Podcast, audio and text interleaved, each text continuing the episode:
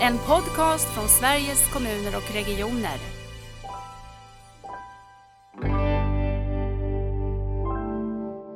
jag är ju väldigt öppen med att det här är ingen kunskap jag har, så nu frågar jag från scratch. Hur är det med det här egentligen? Är det farligt? Vad händer då? Får kanske veta om det bara på omvägar eller så. Då kan man som varje gång bli lite besviken. Att, Åh, varför har de inte hört av sig? Kan vi ha en konferens? Så jag känner mig lite som Hacke Hackspett ibland. Jag får liksom knacka på. Hallå, kan vi ha en vårdkonferens?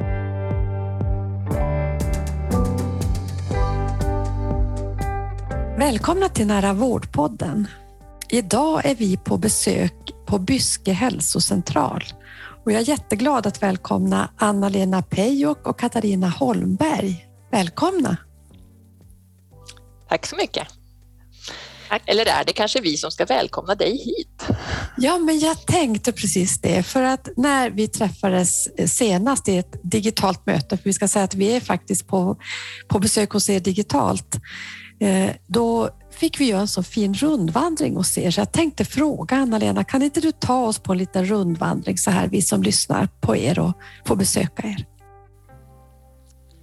Ja, men då börjar vi så, självklart. Ja, men då är ni varmt välkomna hit till Byske som är en liten ort i norra, i norra Västerbottenskusten. Så strax utanför mitt fönster så ser man Byskeälven nu förstås mest snö och is, men den forsar där utanför. Här på vår hälsocentral som har ungefär 4300 listade så börjar vi i receptionen och borta på skriv, där har vi tre stycken läkarsekreterare. Sen tar vi rundan hit där jag sitter och här är vi två psykologer och strax bredvid så har vi labb med två undersköterskor. Så går vi bort till sjuksköterske och distriktssköterskekorridoren och där har vi sju kollegor. Vi går förbi läkarna. Då har vi tre specialister och mm. Eh, fem ST-läkare och en AT-läkare och så tar vi trappen ner till källaren. Och där mm. sitter vår rehabkoordinator som också är arbetsterapeut och våra två fysioterapeuter. Och någonstans där så har vi också träffat på våran städåsa som inte är att underskatta för vår gemenskap här. Mm. Att vi har ju man, hon finns ju också med oss varje dag. Mm. Så det Eh, här och så tillsammans med vår chef förstås, vår avdelningschef som också sitter i lokalerna, som säkert just nu står och packar upp en massa kartonger och försöker lösa annat praktiskt i de här lite hetsiga covid-tiderna. Ja, eh, så är, är det vår hälsocentral. Vad är det i de kartongerna? Är det vaccin? Och det är så mycket. Ja, det kan det vara. Eller nya prov. Vi är ju så många att vi börjar ha slut och begränsningar på provtagningskit. Det vet jag att hon har rådat en hel del om. Just det. sådana tider är det. Men, Men då ska vi väl också säga att vi nästan inte är någon av all den här personalen som jobbar heltid utan många jobbar deltid så det kanske vi också ska säga. Men välkomna. Ja, men precis. Ja, men tack så mycket. Och då är vi nyfikna när vi träffar er vilka ni är. Så Katarina, vill du börja berätta vem du är? Ja, men eh, jag är distriktsläkare, blev eh, färdig specialist 2016 och innan dess var jag då SD här och min SD var väldigt utspridd i tid för jag jobbade deltid mestadels och var mammaledig fyra gånger och sådär. Mm. Så att jag har jobbat här sedan 2002 faktiskt när jag kom hit som AT. Ja, kommer du från orten också så att det var därför du hamnade på Byske hälsocentral? Eller? Nej, jag är född i Jakobstad i Finland, pluggade i Umeå, men så mm. hittade jag min nuvarande man som mm. är lantbrukare i en by här norr om Byske. Så då hamnar jag här. Så det är också mitt andra, andra liv, eller vad jag ska säga, att jag är, hjälper till i hans mjölkföretag på deltid. Ja, för jag tror att du någon gång presenterade det precis som det är distriktsläkare och bondmora. Ja, precis. Jag tycker jag har en trevlig mix. Ja, det låter ju Får jag väl tillägga att jag sköter inga kor, men jag sköter kontoret. Ja, just det. Just det. Mm. Eh, och Anna-Lena, vi passerade där, där du och dina psykologkollegor sitter. Vem är du då mer? Ja, och det där är ju spännande eh, att fråga en psykolog, vem är jag? Jag tänker vi ska inte ägna den här timmen åt det. Men jag har ju varit psykolog hela mitt yrkesverksamma liv. Jag visste ganska tidigt att det var det jag ville bli. Eh, och har alltid alltid drivits av ett starkt kliniskt intresse men samtidigt hela tiden hamnat och förstått att jag har en stark drivkraft av att få de både mindre och större sammanhangen som jag verkar i att fungera. Och det gör ju att jag har hamnat i utvecklingsuppdrag och eh, ja, men både inom regionen och inom olika verksamheter som jag har arbetat, men sen också i Psykologförbundet eh, i olika förtroendeuppdrag. Där jag ju bland annat har varit med och tagit initiativet för nätverket för primärvårdspsykologer och nu är jag ju också andre vice ordförande för Sveriges psykologförbund. Men för mig är det en väldigt eh, värdefull mix det här att vara riktigt nära golvet ska jag inte säga. Jag tycker egentligen golvet låter så slaskigt när man pratar om att jobba på golvet. Mm. Men att vara nära verkligheten, det är kanske ett bättre ord. Och samtidigt få jobba med större strategiska frågor och där god och nära vård förstås har legat mig väldigt varmt om hjärtat och gjort att jag varit aktiv på olika sätt i den processen i vårt förbund och i dialog med utredaren och så vidare. Mm. Det är jätteroligt och vi har träffats en gång när vi tillsammans med de fackliga, större fackliga organisationerna hade ett möte just om utvecklingen om nära vård och vi fick besöka er på, på Byske hälsocentral. Kommer du från orten, Anna-Lena? Nej, eh, och jag, eh, jag brukar svara att jag kommer här och därifrån. Mm. och det kanske gör också att jag har ofta ett ganska stor förståelse för olika nationella regionala förutsättningar i vår nation om man säger så. Jag kan både norr och söder i Sverige. Mitt efternamn är ju samiskt men jag ja, har ju lika mycket rötter i Västergötland till exempel och har bott på fler ställen i Sverige. Ehm, så att jag är, men jag är inte från Byske och när man har jobbat så här länge som primärvårdspsykolog på en sån här liten ort så är det en fördel. För jag tänker att jag ja. har fått följa många familjer och sammanhang där jag ju faktiskt har sluppit ha andra personliga kopplingar. Så att eh, jag bor tillräckligt nära för att inte ha så lång pendling, men jag bor inte på orten. Nej, just det. Jag frågar också därför jag tycker det är spännande. Du berättade när vi fick göra rundvandringen om alla medarbetare som era kollegor och att eh, det är ju ändå den stora utmaningen i glesbygdsorter att kunna rekrytera och vi kanske kan komma tillbaka till det. Att ni har så många ST-läkare till exempel, att ni är flera psykologer och för mig låter det som att ni lyckas med någonting som, som är intressant att fundera på varför då? då? Men jag tänker vi skulle börja, för om jag skulle sätta en rubrik på, på den här podden den här gången så skulle det vara att när teamarbete verkligen fungerar på riktigt och vad det får för effekter, både för de som vi finns till för, ni finns till för i Byske, men också för er arbetsmiljö. För det inspirerade mig när vi träffades förra gången. Så jag skulle önska att vi börjar där någonstans och berätta lite grann om hur, hur jobbar ni på? Vad är era, ert arbetssätt? Vad präglar er hälsocentral och ert sätt att jobba? Vem vill börja? Jag tycker det är en stor fråga utan att prata lite om historien. Jag tänker det kanske är lättare att prata lite grann om resan hit för att förstå ja, var vi står det. någonstans. Katarina, skulle du kunna säga någonting om det? Du som har sett den här resan från ditt perspektiv.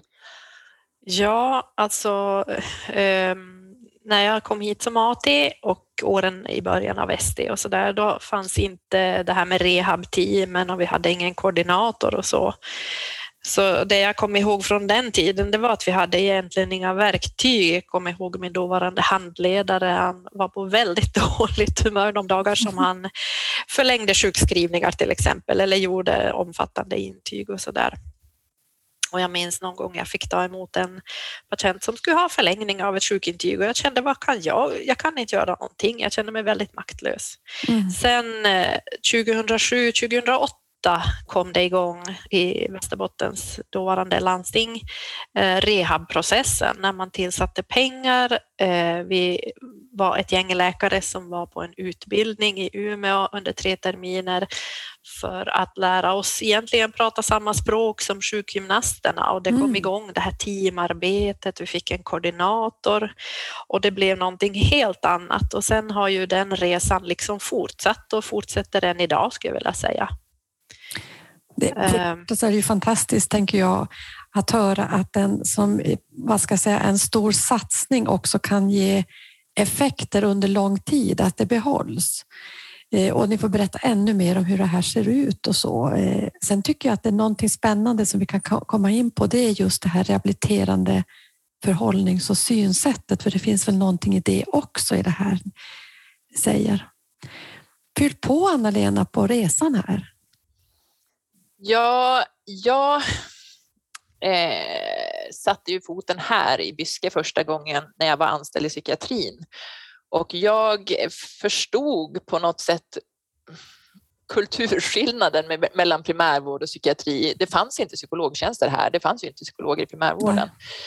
Men vad det gjorde med patienterna när man kunde möta dem i primärvård istället för i psykiatrin och vad man faktiskt hade också potential att göra i primärvård givet de resurser man hade med de kompetenser man hade. Och just det där med det låga insteget, att här hit är det ju inte konstigt att gå. Alltså du, alla kommer till en hälsocentral i något skede av livet. Mm. det, det, är bara så. Så att det här också att man inte behövde lägga på något eh, någon sekundärskam över att vara primärvårdspatient och jag tänker att det har hänt mycket under mina år som kliniskt verksam att man inte alls behöver ha den skammen heller som psykiatripatient. Men det blev liksom en enklare närhet till människors vardag märkte jag ganska snabbt när jag var här mm. och träffade patienter jämfört med i, i psykiatrin. Eh, och det, jag kom ju också, sen kom ju den här satsningen som Katarina beskriver och eh, vårt teamarbete kom igång och det var inte riktigt någon enkel resa i början.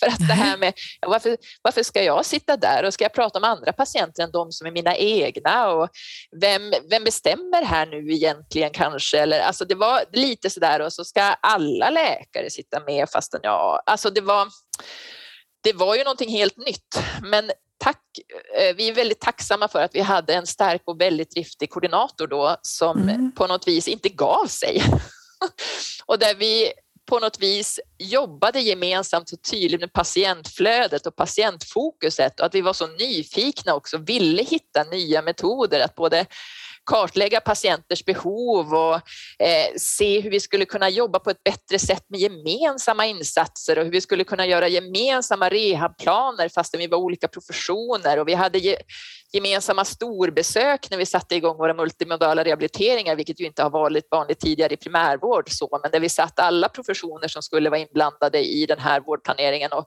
och verkligen med våra olika öron lyssnade in samma historier, vilket bara i sig hade en väldigt stor terapeutisk potential, tänker jag, för patienten. Ja.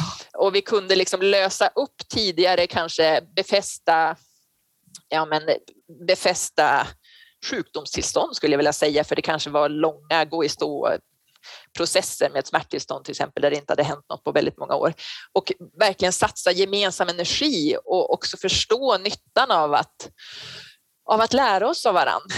Och vi hade ju, det här var ju också något sätt som man, man får brottas med hierarkier hela tiden i primärvård eller i vården generellt. Mm. Och där i rehabteamet, det satt vi ju helt plötsligt och var jämbördiga.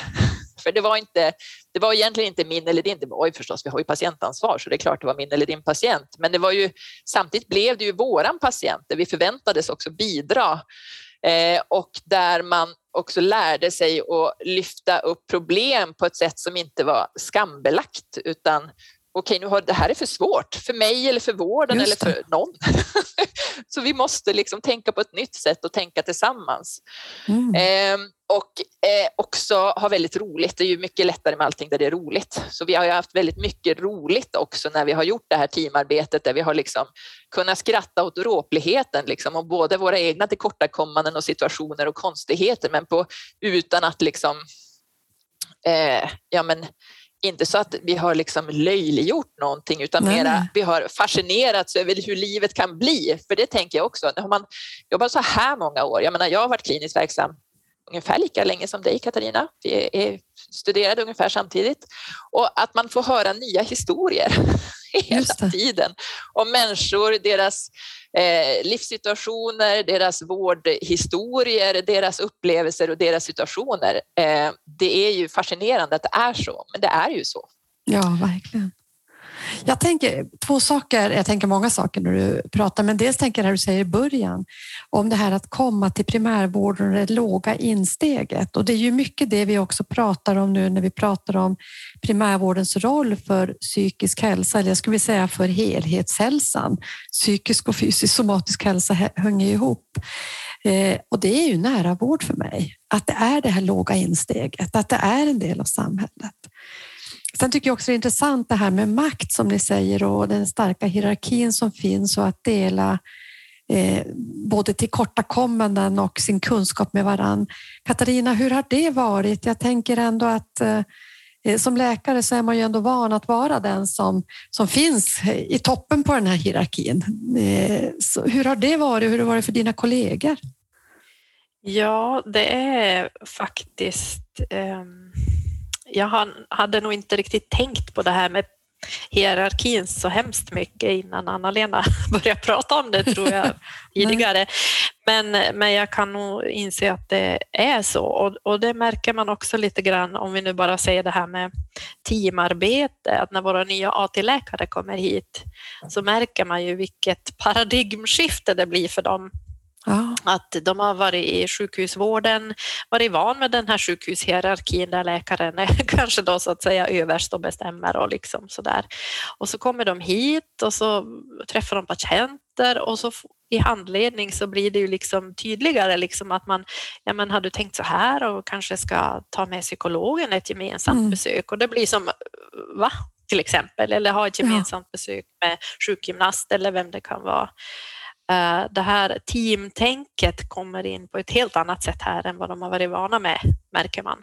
Ja, intressant. Och, och då känns det jätteroligt och om man lyckas liksom se den aha-upplevelse som det kan bli för dem att ja, liksom, att det blir ett plus ett blir inte två då utan tre kanske. Ja men exakt. Är det samma för psyko... Möter du samma? Har ni något PPT Visst heter det så för psykologer? PTP, ja. PTP, just det. Jag säger alltid fel. Eh, det, det som jag tänker är lite sorgligt det är att våra vårdprofessioner, och då räknar jag mig som en vårdprofession i det här sammanhanget såklart, eh, inte möts under utbildningstiden eller att vi inte har vana vid det här i våra utbildningsgångar. Nej. För att jag eh, det är klart att jag möter också det, liksom att man har en idé om, om att det är jag som, nu ska jag vara ensam vårdgivare och jag ska sortera in det här i mitt vårdsystem och liksom i min behandlingsupplägg och så vidare. Och det tänker jag, det måste man ju när man är ny också, för då jobbar man ju med det, liksom att sortera upp det i sitt eget. Men, men att det här med hur man ska handskas med den här äh, inte professionella informationen och hur det i det liksom vård vårdsystemets beslut eller andra professioners beslut ska påverka ens eget upplägg och vilket slags utbyte man ska ha. Det, den vanan har ju inte vi heller, tänker jag. Eh, och samtidigt som vi har utbildning i det, för vi har ju organisationspsykologi och ledarskap och så vidare, det har vi i vår utbildning. Så att det är inte så att man inte egentligen har eh, kunskaper att förstå det, men man har ju inte vanan vid att tänka på det sättet och tänka på sin roll, liksom, att det kan både vara kliniskt verksam men samtidigt måste man ju jobba organisatoriskt. För, så Absolut. tänker jag, för det är ju det vi säger just nu. Um, så ja, det, det, det är en resa för alla som kommer hit, tänker jag. Och också det där med eh, att förstå hur många runt en patient som egentligen för det handlar ju om hur man definierar vård som kanske är inblandad i vården. Att vården kanske inte bara är pillret utan det kanske är alla insatser som många gör som är vården. Mm. Eh, det är ju också eh, lite, alltså det är ju som en förståelse som jag tycker är underskattad. Eh, och jag kan häpna många gånger över att man kan tänka så fyrkantigt medicinskt kring vårdinsatser fastän vi borde förstå att de psykologiska aspekterna till exempel av ett omhändertagande, ja. att, att det också är vård potens i det. Mm, verkligen.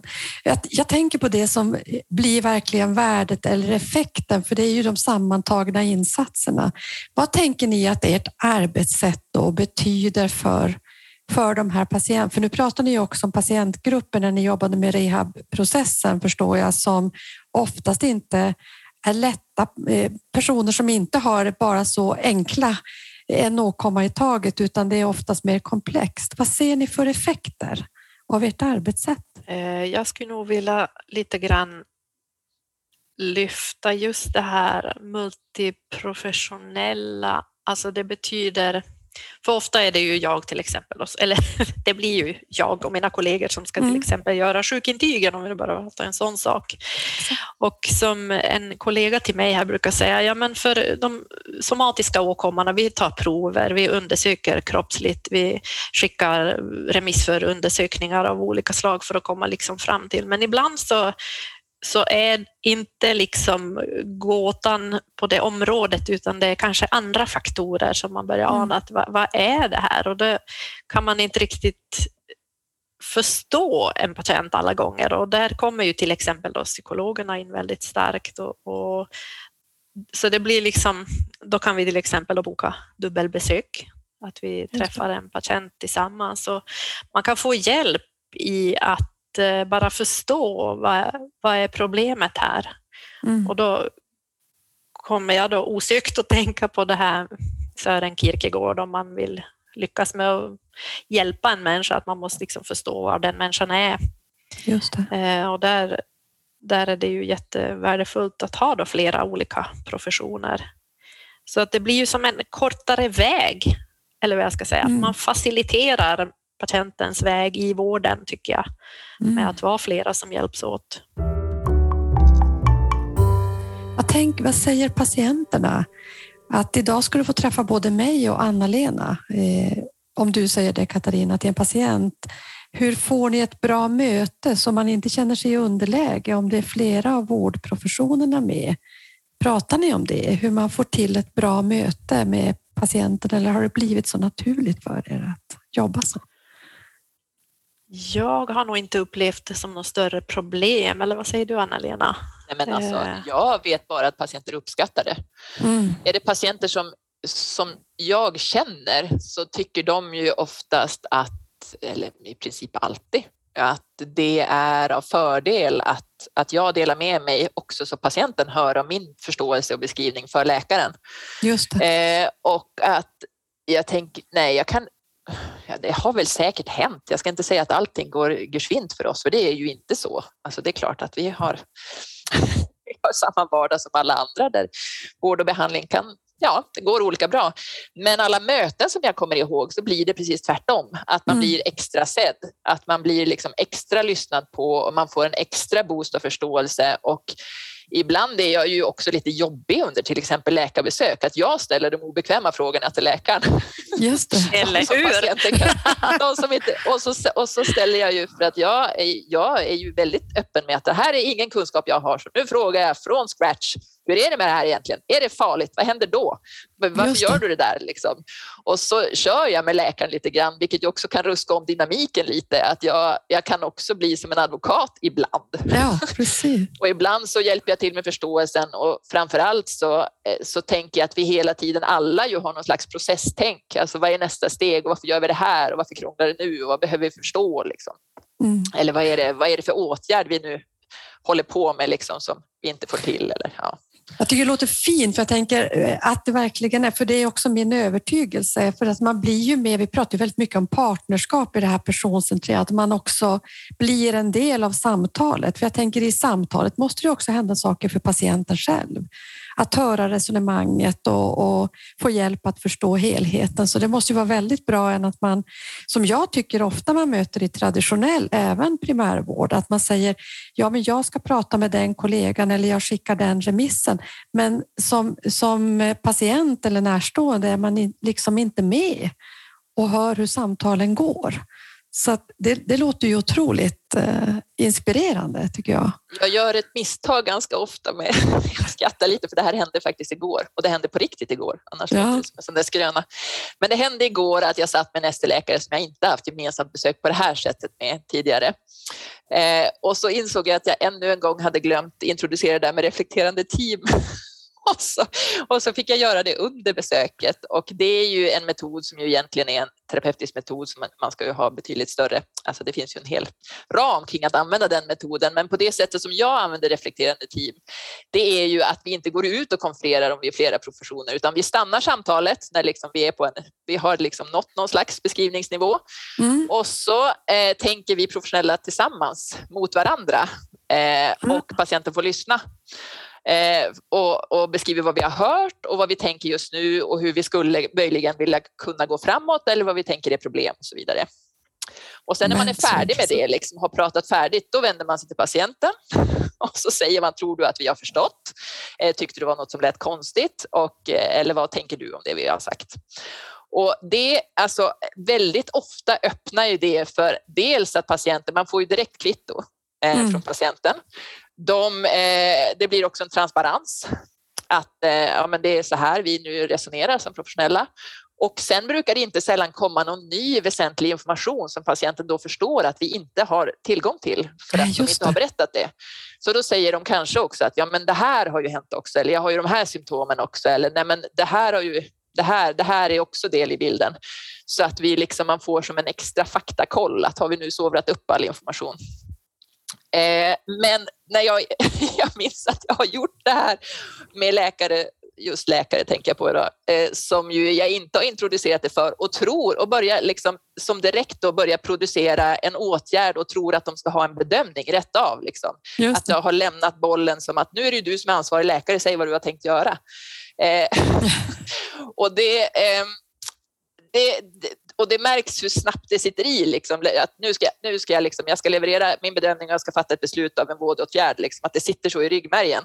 Medan det ju i min ryggmärg förstås sitter hela tiden det här eh, reflekterandet och att jag liksom jobbar med samsyn med patienter och så vidare. För det gör jag ju, alltså i behandling gör jag ju det. Mm, det. För att jag liksom jobbar med, med det.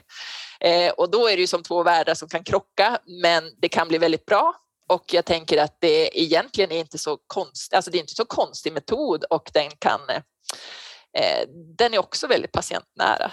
Verkligen, låter otroligt tycker jag inspirerande men, men ganska långt ifrån den vård som jag har mött. Och jag ser Katarina att du sitter och nickar här när Anna-Lena säger att det, det kan kännas, det kan krocka ibland och så. Vad har du upplevt eh, med både dina kollegor som du har handlett tänker jag och andra professioner kanske? Och...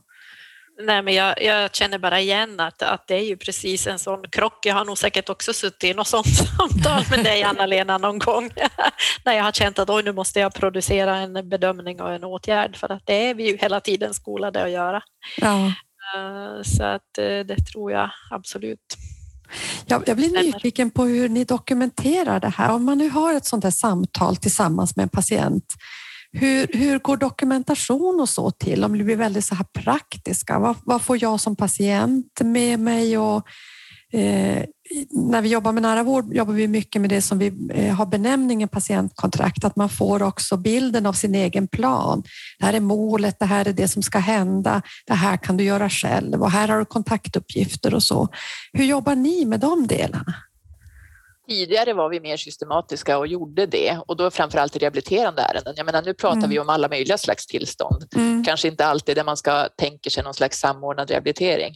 Nej. Förut så gjorde vi det som du beskrev. Nu har vi tappat mm. bort det lite eh, och det är ju också Ja, det är så mycket vatten som flyter åt olika håll tycker jag ja. i liksom metoder på det här området. vi har tappat bort det lite så idag så skulle jag inte säga att vi har någon annan egentlig dokumentation än vår vanliga journalföring. Men då får man minnas att den läser ju patienterna. Ja, precis. Så att så är det ju också idag. Mm. Ja, det är ju också en resa i sig, men den är nog en annan podd. Men tänk vad vi tyckte att det var ett stort steg att ta och idag är det ändå ganska naturligt för de allra flesta av oss. Mm. Men jag tänker att jag kanske måste tillägga, för det låter kanske lite väl flummigt det här jag beskriver. Det är ju inte så att vi... Eh, jag tror vi har pratat om det tidigare Katarina, det här med att vi respekterar ju varandras bedömningar. Det är inte så att vi liksom har några allmänna grötiga samtal och bara kommer fram till en massa snack, liksom, utan det är klart att vi gör bedömningar, ställer diagnoser och rekommenderar våra egna åtgärder som vi tänker utifrån våra respektive professioner här, precis som på alla andra ställen. Det är ju bara det kanske att vi är eh, öppnare för att ta in eh, både se varandras eh, se potensen i varandras roller och förstå att vi behöver samprata på ett annat sätt och att våra åtgärder också måste synkroniseras för att det ska bli så bra som möjligt. Jag tänker att vi lägger kanske mer fokus på det. För det är ju också det där att det är ingen som beställer en behandling hos mig till exempel. Det kan ingen göra utan det är jag som bestämmer om jag tycker att det är lämpligt med psykologisk behandling. Mm. Eh, och jag säger inte heller till någon annan vad de ska göra utan jag, jag beskriver i så fall ett behov och så bjuder jag in till dialog kring det. Liksom. Att, att vi samråder i så fall, att vad skulle, ja, på något vis. Mm. Ja, precis. Jag funderar på, det här började som ni beskriver eh, när ni fick den här rehabkoordinatorn på plats och man började jobba med den här satsningen. Det var ju en statlig nationell satsning med eh, rehabprocessen och så. Men det här har ni ändå tagit som ett mer arbets, ett arbetssätt hos er på hälsocentralen, inte bara just i de här ärendena eller just när det finns en rehabkoordinator. Har jag fattat det rätt då? Det tycker jag.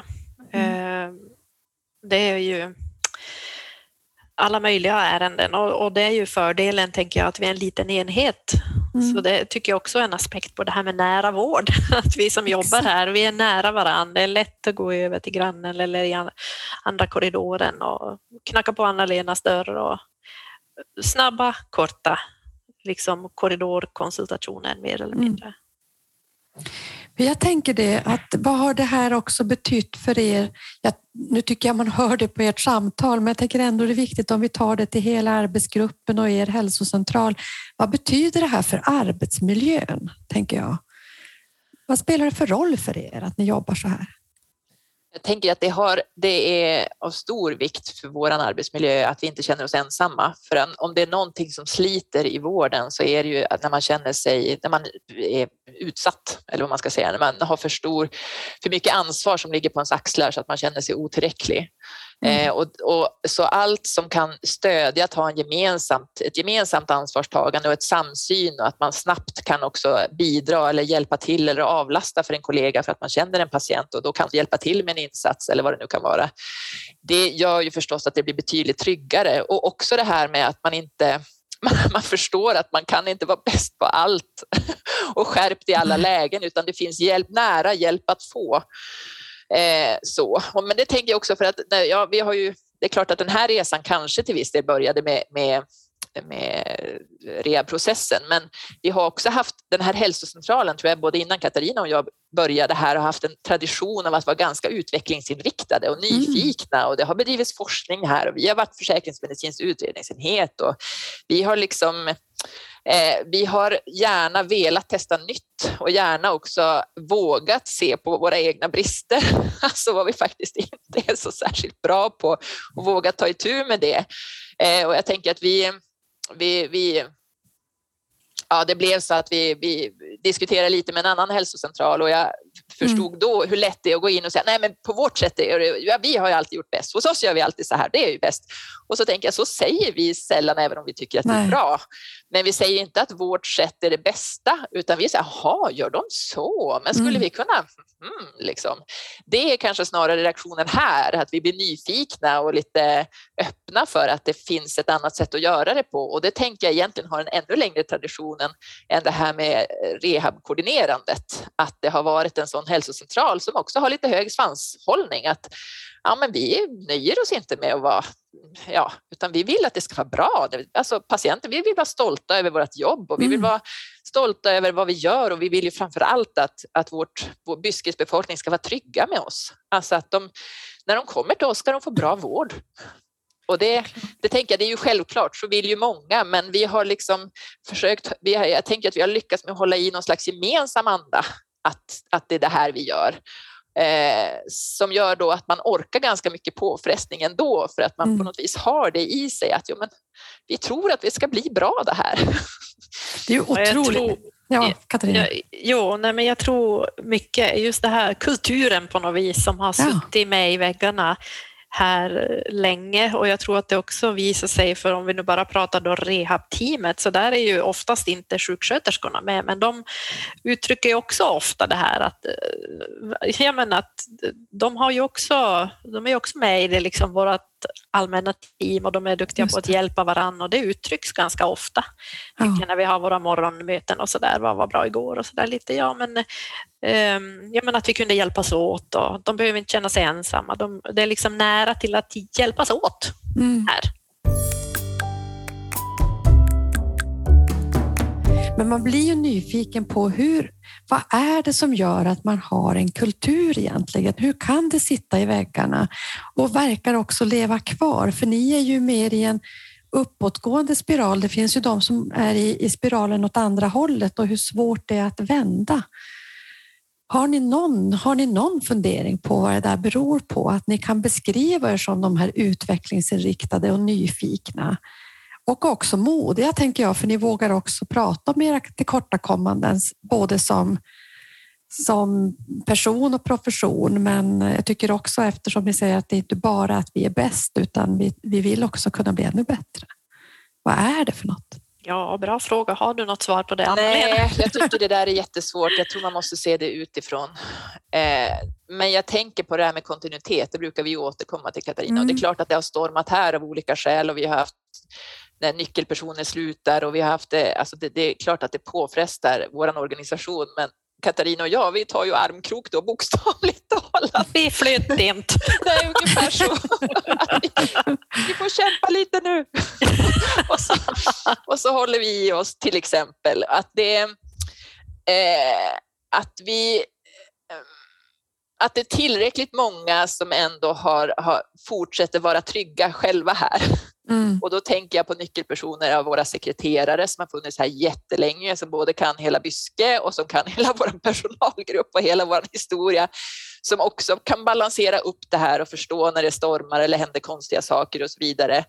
Eh, så att det här med kontinuitet, att det finns ett visst mått av kontinuitet och mm. trygghet mm. i, i, hos professioner och också att man har en variation om erfarenhet, att det inte det. alla är nya eller inte alla är liksom precis innan pension utan att vi, att vi håller någon slags spann i det här med erfarenhet för att vi behöver ju nya för att berika oss. Och vi, hade så, vi hade så roligt i våras, så tänker jag så här, Byske, det kan ju låta som ja, vars är det? En liten håla någonstans. Men då, då, hade vi så roliga samtal, för vi hade ju en judisk medarbetare, vi hade en muslimsk medarbetare, vi hade liksom olika kristna inriktningar och vi pratade på fikarasten om olika liksom, hur, ja, men olika mattraditioner, olika helgtraditioner och olika liksom, föreställningsvärldar och så vidare.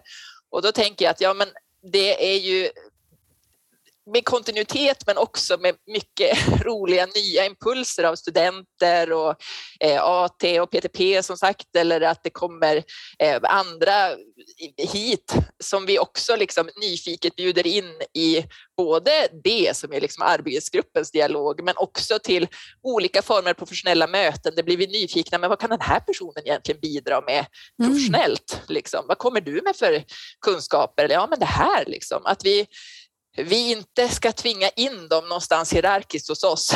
Nu ska du liksom veta din plats tills du har bevisat det. Ja, det. det. blir liksom ett nyfiket lärande för att vi förutsätter att alla som kommer hit har något nytt att bidra med även om de kommer fresh off school i termin bla bla bla liksom, så tänker vi på något vis att ja, men här är ju någon med något nytt. Mm. För mig, om man nu ska betrakta utifrån, så låter det som att den här kulturen, den ligger ju också någon typ av synsätt på människan som att vara nyfiken på varandra, det är ju någon grund, någon värdegrund. Jag tänker, hur, har ni kunnat rekrytera? För jag tycker ändå när vi gjorde den här rundvandringen hos er nu i början, att eh, ni har ju flera ST-läkare, ni har eh, två, var det två psykologer, Anna-Lena? Ja, vi är två psykologer här. Ja, precis. Eh, som inte alla hälsocentraler i glesbygd kan vi säga. Så ser det inte ut på, i Norrbotten i alla fall, där jag kommer ifrån. Hur, hur klarar ni det, Katarina? Hur, varför, varför går det? Ja, vi har väl blivit som i praktiken, även om det inte är formellt uttalat, men i praktiken har vi ju som blivit som en utbildningshälsocentral nu. Mm. Och det handlar väl, tänker jag, det kanske låter dystert, men det handlar väl tyvärr mycket också om att på andra ställen i Skellefteå sjukvård så är det ganska skralt med specialister i allmänmedicin.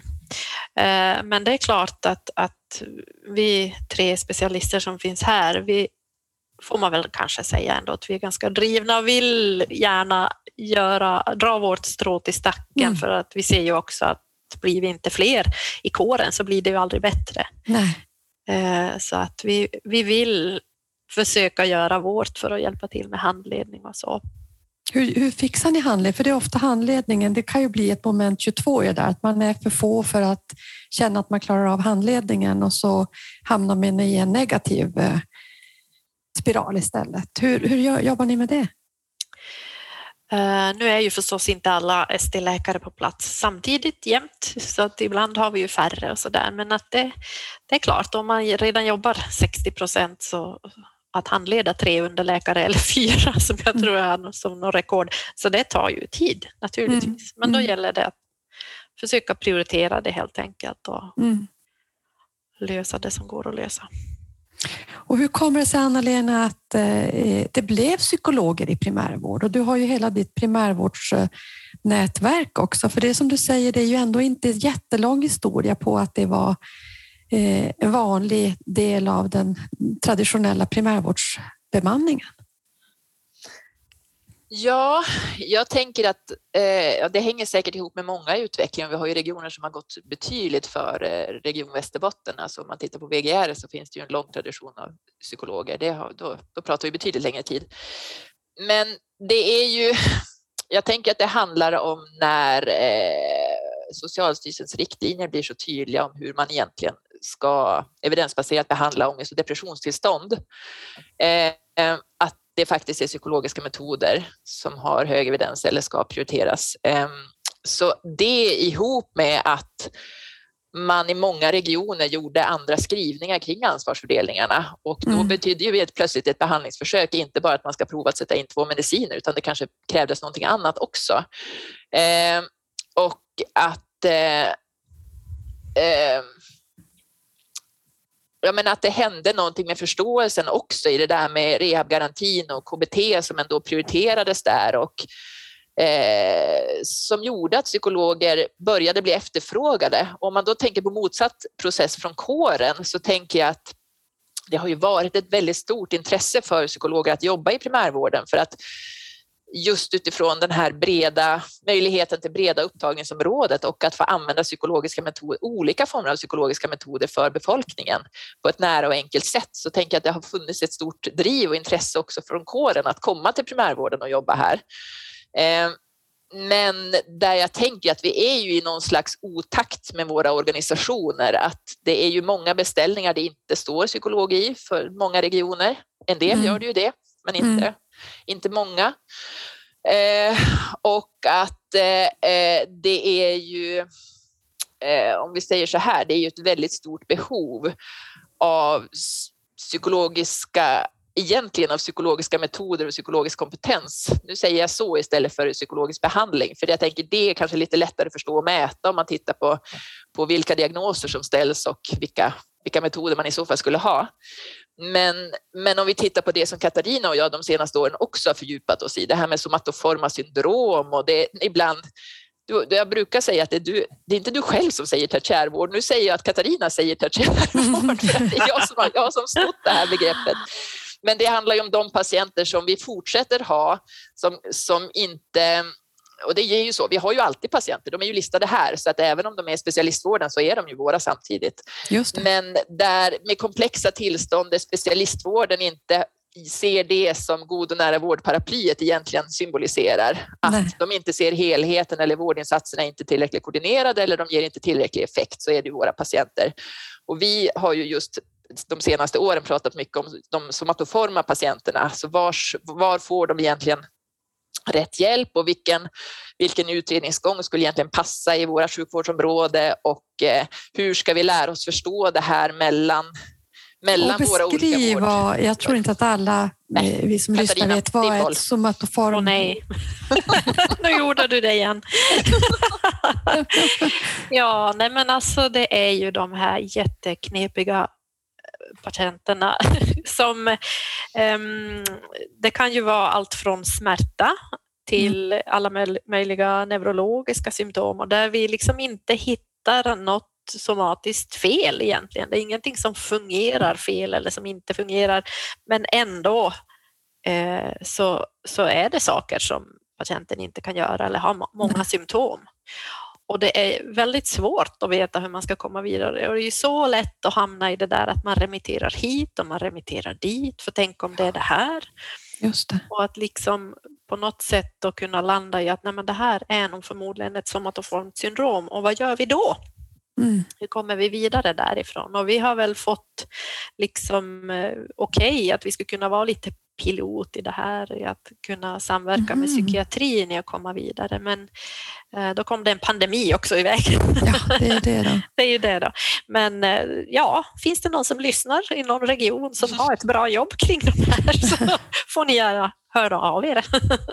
Hur hade ni tänkt att den här samverkan med psykiatrin skulle gå till? Att ni har någon kollega också i specialistpsykiatrin som kopplar nära ert arbete? Eller? Det var Vi väl så vi började dialogen. Ja, precis. Och då prata specifika patientfall och så att man liksom skulle kunna se om det utkristalliserar sig på något vis, någon ja, arbetsgång eller så. Men när du nu har fått eh, svar, Katarina, på, från någon av lyssnarna på som jobbar med det här, får, ni, får vi sedan återkomma i podden och höra hur, hur arbetet utvecklar sig. Jag, jag skulle vilja höra lite grann om, ni har varit inne på det här med, den, det här är ju den nära vården eller paraplyet, den goda och nära vården. Hur ser ni på eh, kraften i omställningen när vi vill gå mycket mer mot den här nära vården? Hur ska ni kunna ta, dra nytta av det och jobba med det hos er på Byske? Vad kan ni ha för fördelar av det? Eller hur ser ni på omställningen? Jag hoppas ju, nu svarar jag spontant, och det är ju Ja. att jag hoppas att primärvården får en starkare röst och en tydligare roll. Eh, Ja. Att det blir, för vi har så, ha, har man en kontinuerlig kontakt med patienter och man verkligen har satt sig in i deras situation och symptom och behov så har vi så vansinnigt bra information Mm. och vi också är ju garanter för någon slags långsiktigt tänkande om det är så att vi har det här systemet så att patienten är listad på en hälsocentral. Mm. Så att vi behöver ha dialog på ett annat sätt. Eh, och det tänker jag, det är ju det som på något vis nära vård-idén, det är Mm. det som sätts fokus på. Mm. Och jag är, jag är, och då är jag ju inte, ja, det, jag remitterar ju betydligt färre patienter än vad du gör på en dag Katarina. Så att det är ju, jag sysslar ju inte med så många olika remissinstanser och vårdnivåer men jag känner mig så trött på att, att det som är vår kvalificerade kunskap utifrån ett primärvårdsperspektiv är liksom så lite värt i den här snurren. Ja. Eh, och för jag tänker att det skulle vara det skulle vara viktigast i och med att vi står för kontinuiteten. Att vi är informerade och delaktiga på något vis, att vi liksom kan också ta ansvar för fortsättningen på det sättet där vi också kommer fortsätta ta över eller så. Mm. Eh, så det där, åh vad jag, åh vad jag hoppas på det. ja, men det hjälps vi åt att, att gå mot. Vår roll i primärvården. Ja. Hur tänker du, Säg Katarina? emot mig Katarina. Nej, jag säger absolut inte emot. Eh, Det är väl, jag upplever nog likadant, att det, vi är ju sällan efterfrågade tycker jag. Om det är väldigt komplicerade patienter som vi bedriver då den här så kallade tertiärvården med Mm. och patienten åker in på lasarettet och vi får kanske veta om det bara på omvägar eller så. Och då kan man som varje gång bli lite besviken. Att, Åh, varför har de inte hört av sig? Kan Ja. vi ha en konferens? Så jag känner mig lite som Hacke Hackspett ibland. Jag får liksom knacka på. Hallå, kan vi ha en vårdkonferens? Ja, kan vi? Och nu är det ju så enkelt med digitala möten så att det är ju Precis. mycket enklare än förut att kunna ha samverkan. Ja. Ja, ni, för jag tänker det ni beskriver är ju verkligen också att ska vi göra den här omställningen, då behöver vi ha med oss hela sjukvårdssystemet på det här synsättet så att du inte behöver vara hackspetten utan att det blir naturligt. Men ni får inte sluta knacka på tills det blir naturligt. Vi får hjälpas på många olika vägar och sätt. Jag tycker Anna-Lena, du sa någonting viktigt där i, i någon av diskussionerna här, just att det är ju vi som har den kontinuerliga kontakten. Jag tänker mycket invånarna och samhället och jag tror Katarina, du sa också den här eh, litenheten ska inte underskattas och jag tror att den här närheten kan man ju skapa även i större miljöer om man väljer att, att kanske ha sina primärvårdsområden mindre i storstäder och så. Så jag tror att man kan skapa närhet, men att jag tror att ni är på någonting viktigt. Relationen till invånaren. Allt handlar i slutändan om relationer och då behövs också närheten. och då tänker jag en till sak och det är ju det där med förståelsen från våra organisationer att vi som personer inte är utbytbara. För det, tyvärr ser jag en utveckling där vi på något vis blir, har blivit huvuden i någon Just slags eh, personalpolitik där man tänker att man ska liksom kunna samordna, res- e- effektivt utnyttja resurser på något vis, att vi har blivit sådana där brickor igen och Mm. då tänker jag, men i god primärvård så är vi inte det. Vi är Nej. inte utbytbara. Eh, det är klart att i akuta skeden är vi det, liksom i någon slags akut personalplanering, men inte för det här som vi pratar om nu. Det är vi inte utbytbara för. Och jag menar, det är ju inte, om vi säger så här, när jag har jobbat länge i primärvården så är det ju inte en gång som patienter har återkommit efter ett antal år och sen vågat ta upp sitt nästa problem. Och nu tänker jag helt psykologiska perspektiv och olika Mm. trauman som man faktiskt inte är bekväm med att berätta första vändan i en behandling. Eh, och vilken oerhörd fördel det är att ha möjlighet att faktiskt söka upp samma behandlare igen eh, och ta vid på något vis i nästa smärtsamma kapitel till exempel. Mm. Eh, eh, så att jag tänker på det där med kontinuiteten eh, och ja, men att, vi, att vi inte är utbytbara. Det det är någonting från det här, om man nu ska prata lite systemspråk eh, på något sätt, alltså från det här produktionsperspektivet till mycket mer av det som handlar om tjänst, det logiska perspektivet, för där är ju relationerna viktig, inte brickor i ett system i en industri som kan bytas ut. Every number has a story, det har ju även medarbetarna eh, sin berättelse. Jag tänkte vi ska avsluta med eh, ordet nära. Vad betyder det för er? Vad betyder Anna-Lena, för dig? Ja, min första association är faktiskt inte positiv. Då känns nära lite kladdigt. Eh, sådär. Och det tänker jag är också viktigt i de här sammanhangen att man får komma ihåg att ja, jag ska stå nära patienten, men jag ska inte vara tillsammans med patienten. Det är klart att jag måste Mm. stå på min egen plats med min egen professionalitet. Mm. Så eh, det är ju en del av nära som jag tänker ändå är viktigt att ta med Mm. sig. Men sen är närhet för mig någon form av enkelhet. Att det är inte, det är inte så komplicerat. Mm. Tack. Katarina, vad tänker du? Ja, jag tänker nog också mycket på det här, den lilla enheten där man har nära till varann och nära att kunna hjälpas åt. Mm. Hörrni, vad, vad spännande och tack för att vi har fått besöka er i Byske. Ja, Och nästa gång jag kör förbi Byske då ska jag stanna och äta på, vad sa ni nu? Gä- Gästis? Ni, du måste absolut stanna och äta på Gästis. Här gör vi oförblommerad reklam. Fiskens bästa lunchdag. Fantastisk mat. Precis. Kör du på har- E4, kör bara sväng av. Ha en liten tur förbi Gästis. Ja, men då är vi många som kommer att besöka det. Tack så mycket för att vi fick komma till er. Lycka till framåt. Hej då! Tack! Tack!